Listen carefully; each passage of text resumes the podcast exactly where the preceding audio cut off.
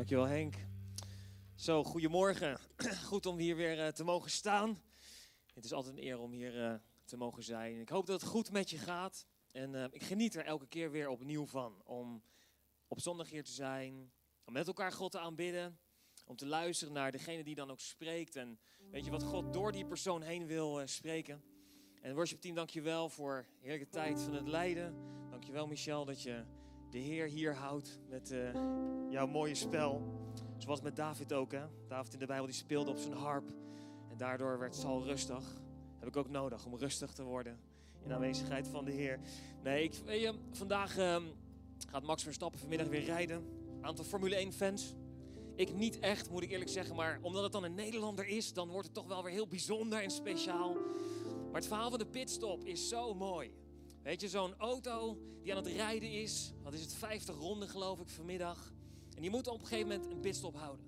Het is nodig om even bij te tanken. En misschien wel om de banden te verwisselen. En ik geloof echt dat op zo'n zondag als deze, en eigenlijk gedurende het hele jaar door, je, van de 50 rondes die een auto gaat, zo hebben wij 52 weken in het jaar.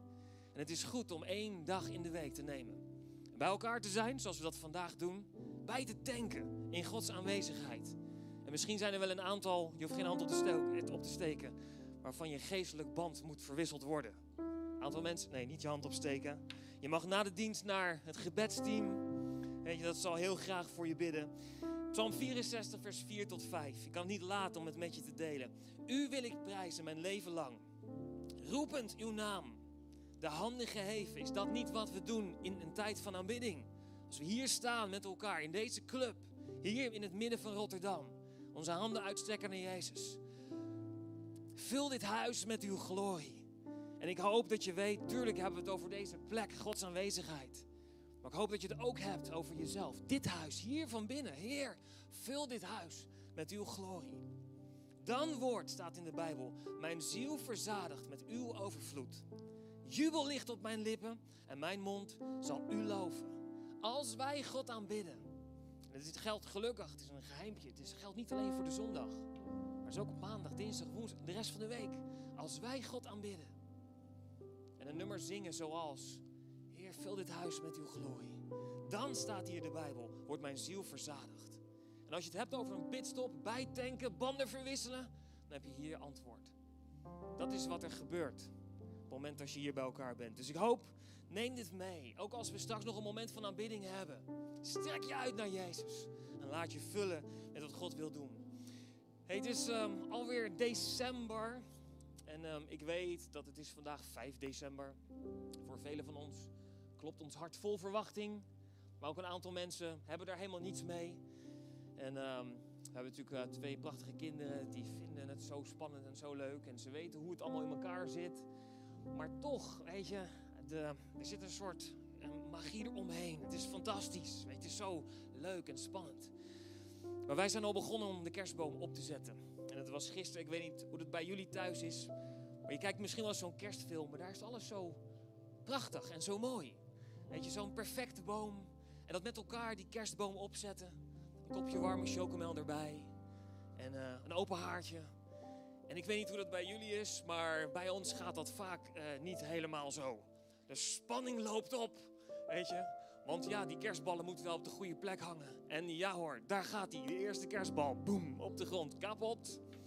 Nou, de lampjes deden het gelukkig wel. Chocomel, chocomel gemorst. En dan nog een foto. Ik heb hem uiteindelijk toch maar niet meegenomen. Geprobeerd een foto te maken voor de kerstboom. Nadat we met elkaar in volle verwachting en spanning die kerstboom hebben opgezet. Hebben jullie zo'n perfect gezin waar het allemaal goed gaat? Eentje, nou, als je dan voor je afvraagt, hoe gaat het nou met Dan en Wen? Hoe gaat het nou met ze? Nou, zo gaat het dus met ons. Wij zijn een gewoon gezin waarvan alles gebeurt en... Nou goed. Oké, dat dus, dat dus. Hey, vandaag wil ik met je spreken over het onderwerp... Heb ik dat? Heb ik dat? Zet je een kerstboom op, valt die kerstbal. Heb ik dat? Maar er zijn wel meer dingen en voorbeelden, daar wil ik met je induiken. Maar voordat we dat doen, eerst nog bidden. Heer, dank u voor vandaag, dank u voor wie u bent, Heer. Dank u voor uw aanwezigheid. En Heer, zoals we gezongen hebben, vul dit huis met uw glorie. Vraag ik in Jezus' naam, Heer. Voor iedereen die hier is, die luistert, ook online als je meeluistert, dat we ons hart openen. En Heer, dat u ons vult opnieuw. En Heer, dat misschien de vraag die we allemaal wel eens bij ons dragen, heb ik dat? Moet ik dat meemaken? Heilige Geest, we willen die vraag bij u neerleggen. En ik vraag, Heer, wilt u die beantwoorden? Wilt u in deze reis van het woord waar we uw woord lezen, dat u tot ons spreekt? En u kent onze situatie, u kent onze uitdagingen, u kent onze gebedsverzoeken en ons smeken naar u. Gewoon de situatie waar we zijn. En ik vraag, Heer, wilt u uw werk doen? In Jezus' naam. Amen. Heb je ook wel zo'n pechdag dat echt alles mis lijkt te gaan? Je kan allerlei voorbeelden daarbij bedenken. Dat je sleutels bent vergeten. Hè, dat de deur in het slot is gevallen. Je telefoonaccu is leeg. De auto gaat niet meer open. Nou, vul maar in. Echt allemaal dat soort dingen. Maar we hebben allemaal wel eens omstandigheden, situaties. Dat je jezelf afvraagt van waarom overkomt mij dit? En dat je afvraagt van waar is God in dit alles? En dat kunnen we heel dramatisch maken, groot en klein. En ik heb dat voorbeeld volgens mij wel eens gebruikt. Dat we jaren, jaren geleden toen we nog in Den Haag woonden. En dat we elke zondag naar Rotterdam reisden voor de kerk. En dat we daar uh, met elkaar diensten deden. Dat was nog aan het einde van de dag, om vier of vijf uur was dat. En dat God hele bijzonder mooie dingen deed. En dat we daar enthousiast over waren. En vol enthousiasme zaten we dan in de auto weer terug naar huis. En ik weet niet meer precies, maar er reden wat mensen met ons mee naar huis. En op een of andere manier hadden we toch besloten om Joy, die toen met ons mee was, op schoten te nemen, achterin. En een aantal mensen weten wel dat dat geen goed idee is. En je raadt het natuurlijk al. Hè? Zo gelovig als dat wij zijn en zeggen van... Met God kunnen we alles aan. Zitten wij in de auto en komt daar een motoragent achter ons. Die zegt uh, even stoppen aan de zijkant. Komt zo naar het raampje toe. Wat zijn wij aan het doen? Nee, nee, nee, dat zei hij niet. Maar het was wel van... Hey, er zit daar zo een meisje achterin. Op schoot van iemand. Die had een gordel om zich heen. En ja, het is natuurlijk logisch dat je een gordel omdoet. Maar dat is levensgevaarlijk als je een noodrem moet maken. Want dan wordt dat kleine meisje platgedrukt. Ja, weten wij veel. Ik bedoel, en je raadt het al, boete. Heer, dan ben ik bezig in uw koninkrijk. Ik rij elke zondag naar Rotterdam en ga weer terug. En dan maak ik dit mee. kon u dan niet dat gewoon even tegenhouden? Of die agent even zo laten doen? Of wat? Nee hoor, moeten we een boete betalen?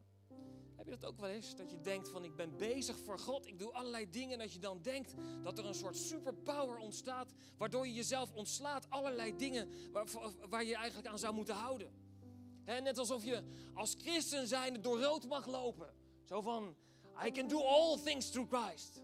Oma Gent, en dan zit ik daar in de auto en dan begint die man zegt, ja maar nee, God is met mij. En dan moeten mensen van Jezus horen, dus daarom mag ik 200 km per uur over de snelweg rijden. Op weg naar de mensen die anders verloren.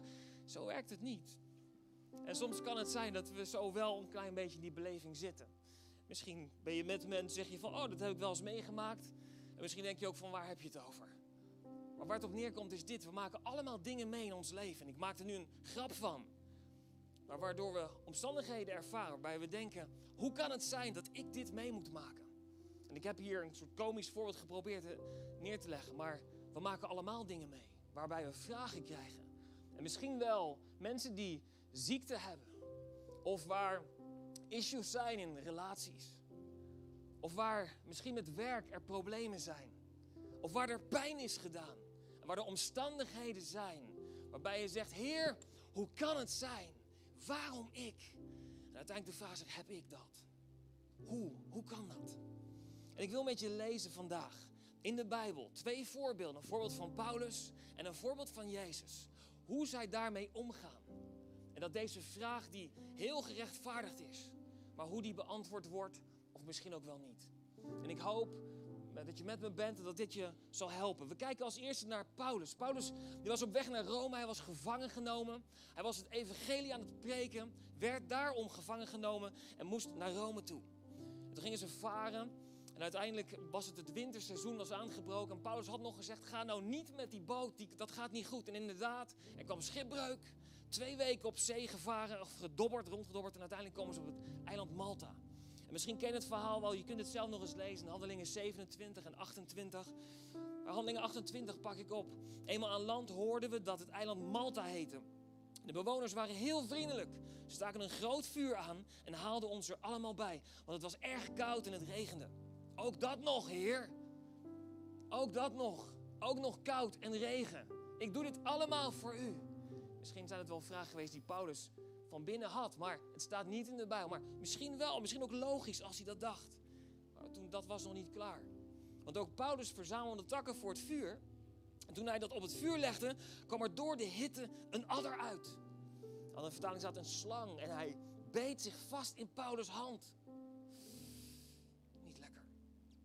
En toen de bewoners van het eiland dat die aan zijn hand zagen, zeiden ze tegen elkaar: Deze man is vast een moordenaar. De wraakgodin wil niet dat hij in leven blijft. Het is hem gelukt om aan de zee ontsnappen, maar nu probeert ze hem op deze manier te doden. Het is bijzonder om te zien hoe snel mensen oordelen. Als het een keer niet zo goed gaat met iemand. Als het een keer wat minder gaat. Of weet je, dat we toch wel hoge verwachtingen hadden van Paulus. weet je, een man Gods. Weet je, waarbij God heel krachtig doorheen werkt. En toch wordt hij gebeten door een slang. Is het niet zo dat ook wij vaak zo om ons heen kijken en weet je, kijken van, hé, hey, het moet vast zijn dat hij of zij iets verkeerd heeft gedaan. Dat er iets is gebeurd. Wat, wat is er aan de hand? En dat we op die manier daarmee aan de slag gaan. En wat bijzonder is, wat Paulus deed, hè? Paulus die schudde het van zich af. Hij schudde het van zich af. En sommigen van ons moeten dat ook doen. Situaties, omstandigheden, dingen die je aangedaan zijn als het ware dat het een slang is die bijt in je hand. En veel van ons, die zijn in staat om het van zich af te schudden, maar doen het niet. En houden die slang vast. En dat geeft je een excuus. Het geeft je een excuus. Ja, ik kan geen goede vriend zijn, want ik heb een slang in mijn hand. Ik kan geen volgende stap in mijn carrière zetten, want ik heb een slang in mijn hand. Ik kan niet zo aardig zijn, want ik heb een slang in mijn hand. Lieve mensen, gooi die slang af. Gooi het eraf. En maak, zorg dat je vrijkomt. Net zoals Paulus dat hier heeft gedaan. En ik zeg niet dat je over situaties heen moet stappen of dat je het moet negeren. Dat is niet wat ik zeg. Begrijp me niet verkeerd. Maar sommigen van ons moeten deze actie nemen en zeggen van oké, ik schud het van me af. En toen dachten ze dat Paulus een toen dat eh, gebeurde, hoopten ze, of dachten ze eigenlijk, hè, ik zeg niet hoop, is niet het goede woord, maar ze dachten dus dat hij uiteindelijk zou opzwellen en dat hij zou sterven, maar dat gebeurde niet. En toen dachten ze ineens, oh, dat moet dan wel een God zijn. Zo staat het daar in vers 6. Hoe bizar, hoe snel dan ook, weet je, de mensen weer, eerst dachten ze, hij moet een moordenaar zijn, en nu ineens is het een God. Nou goed, wij weten dat dat zo niet werkt natuurlijk. Maar het valt me op dat Paulus hier geen vragen stelt en ook in de context verder komt dat niet voorbij. We zien dat deze omstandigheid, ondanks dat hem dit dus overkwam, hij had misschien wel reden om twijfels te hebben of om God daar vragen over te stellen. Maar we zien hier dat het Paulus, het maakte hem niet zwakker. Sterker nog, hij komt op dat eiland en God werkt nog steeds superkrachtig door hem heen. Overkomt iets en toch gaat hij door om een zegen te zijn voor iemand anders. Hij bidt voor mensen, mensen genezen. Mensen horen van Jezus en geven hun hart aan Jezus. Zo fantastisch mooi als we zien hoe Paulus doorgaat hierin. En dat het hem eigenlijk niet lijkt te raken. En het lijkt op dat Paulus misschien wel een geheim te pakken heeft. En dat geheim wil ik met je delen. Wat staat in Johannes 9, vers 1 tot 4. Jezus liep verder en hij zag een man die al vanaf zijn geboorte blind was. En zijn leerlingen vroegen hem, meester, hoe komt het dat hij blind is geworden? Komt dat omdat zijn ouders ongehoorzaam geweest zijn aan God of hij zelf? Je, zie je dezelfde vraag bij Paulus, dat mensen iets zeggen, hij moet iets gedaan hebben, kan niet anders. En dat deze vragen door de discipelen ook aan Jezus worden gesteld.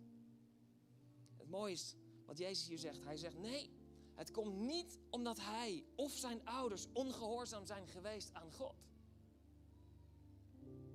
En eigenlijk zegt Jezus hierbij ook, het komt dus ook niet door God. Sommige mensen denken dat, kijk, God is almachtig, God is alwetend, zo, zo geloven we dat. Maar dat betekent niet dat alles wat mensen overkomt, dat dat door God komt. Nee, wat doet Jezus hier?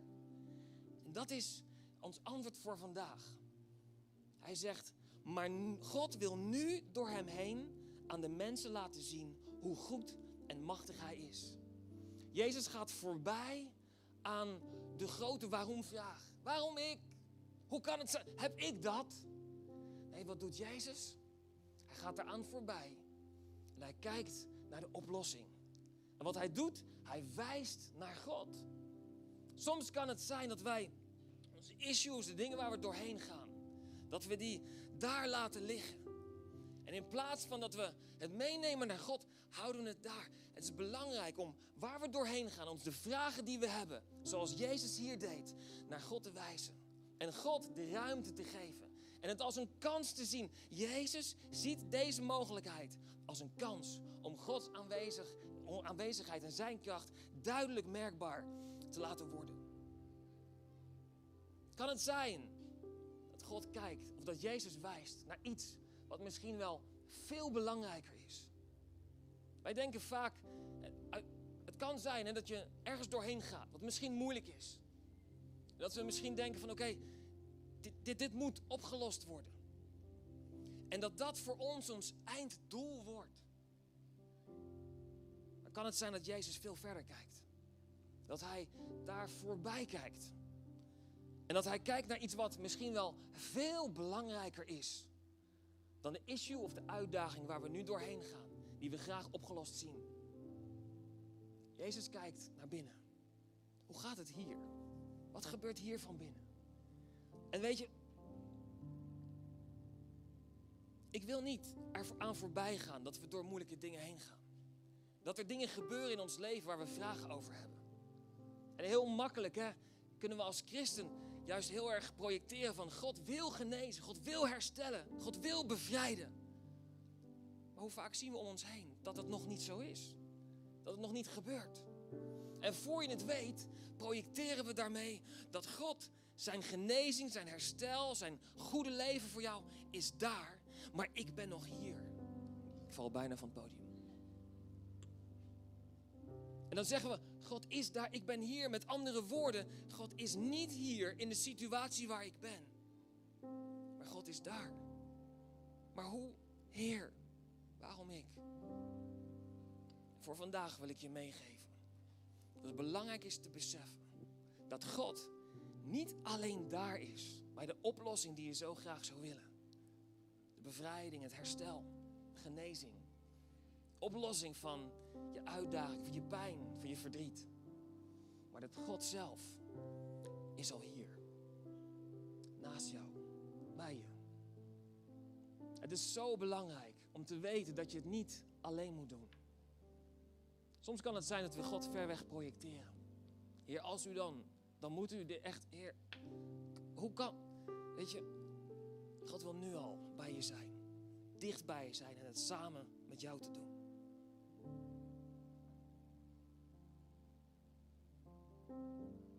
De meeste mensen van ons in de kerk, die kennen onze situatie met onze prachtige dochter.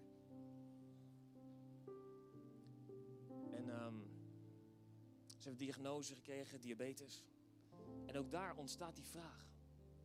En in de laatste maanden is die vraag eigenlijk opnieuw naar boven gekomen. En ik wil eerlijk met je zijn. Ik weet niet of ik het droog hou. Maar ik ga mijn best doen.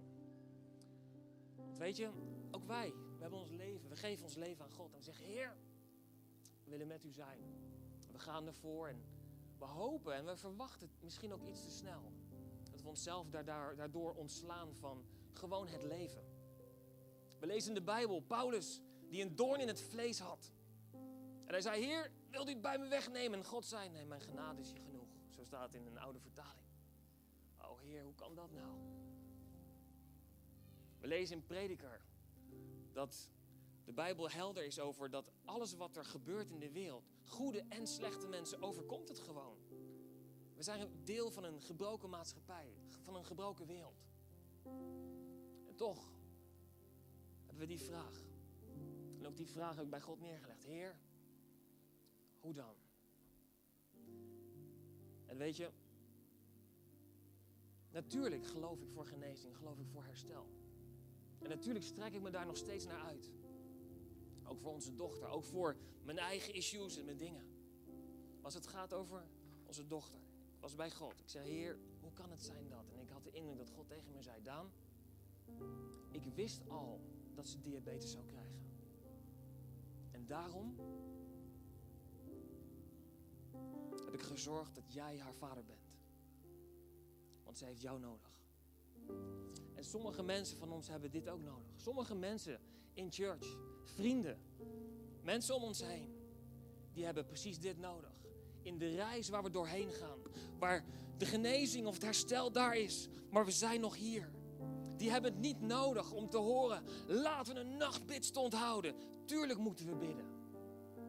Maar niet dat we zeggen, God is daar, zijn genezing. Nee, sommige mensen hebben het nodig om, hey, zullen wij samen die reis aangaan? Ik ben de arm van Jezus voor je. En die sla ik om je heen. Ik ben gewoon bij je. En wat ook gebeurt, we gaan samen, we geloven God. En zolang het er nog niet is, ben ik bij je. Het is belangrijk dat je de reis niet alleen doet. En weet je, er zijn mensen om ons heen die ons nodig hebben. Durf je te kijken? Kun je die arm van Jezus zijn? En misschien vraag je nog steeds af, oké, maar hoe dan? Weet je, ik geloof nog steeds voor het herstel, voor die genezing, voor die nieuwe kans, voor bevrijding. Maar tot die tijd, dat het er ook echt is, wil ik bij God schuilen. Psalm 23 vertelt het ons.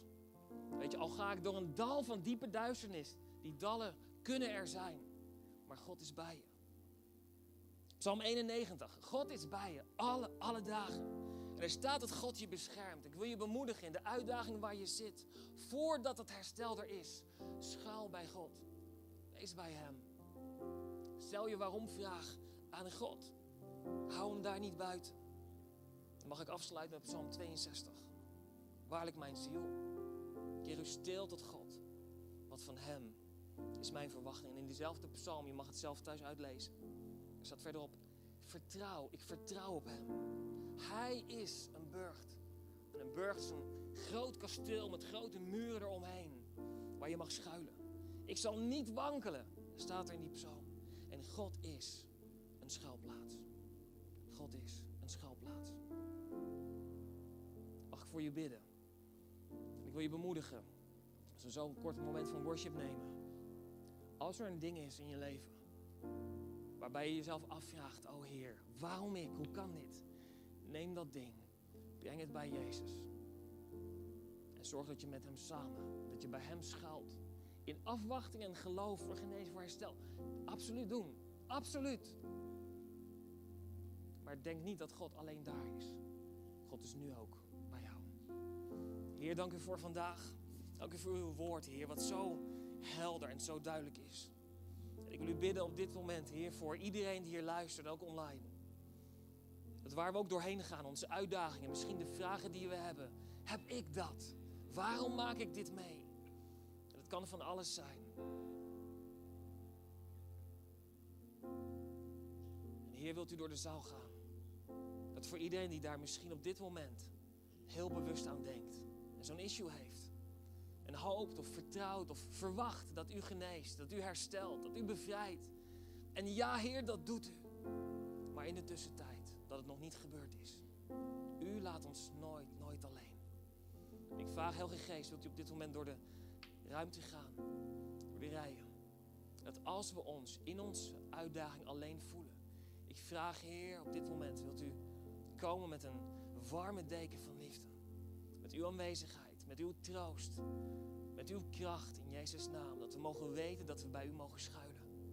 En dat zolang, Heer, het er nog niet is, zolang we nog niet zijn waar we zouden willen zijn, dat we dan toch in uw aanwezigheid mogen zijn en zullen zijn. In Jezus' naam. Amen. Als je wil laten gaan staan, laten we dit moment nog nemen om God te aanbidden. En wat je gehoord hebt, wat je gevoeld hebt, om het aan Hem te geven in een tijd van. En laat je vullen met zijn aanwezigheid. Let's go.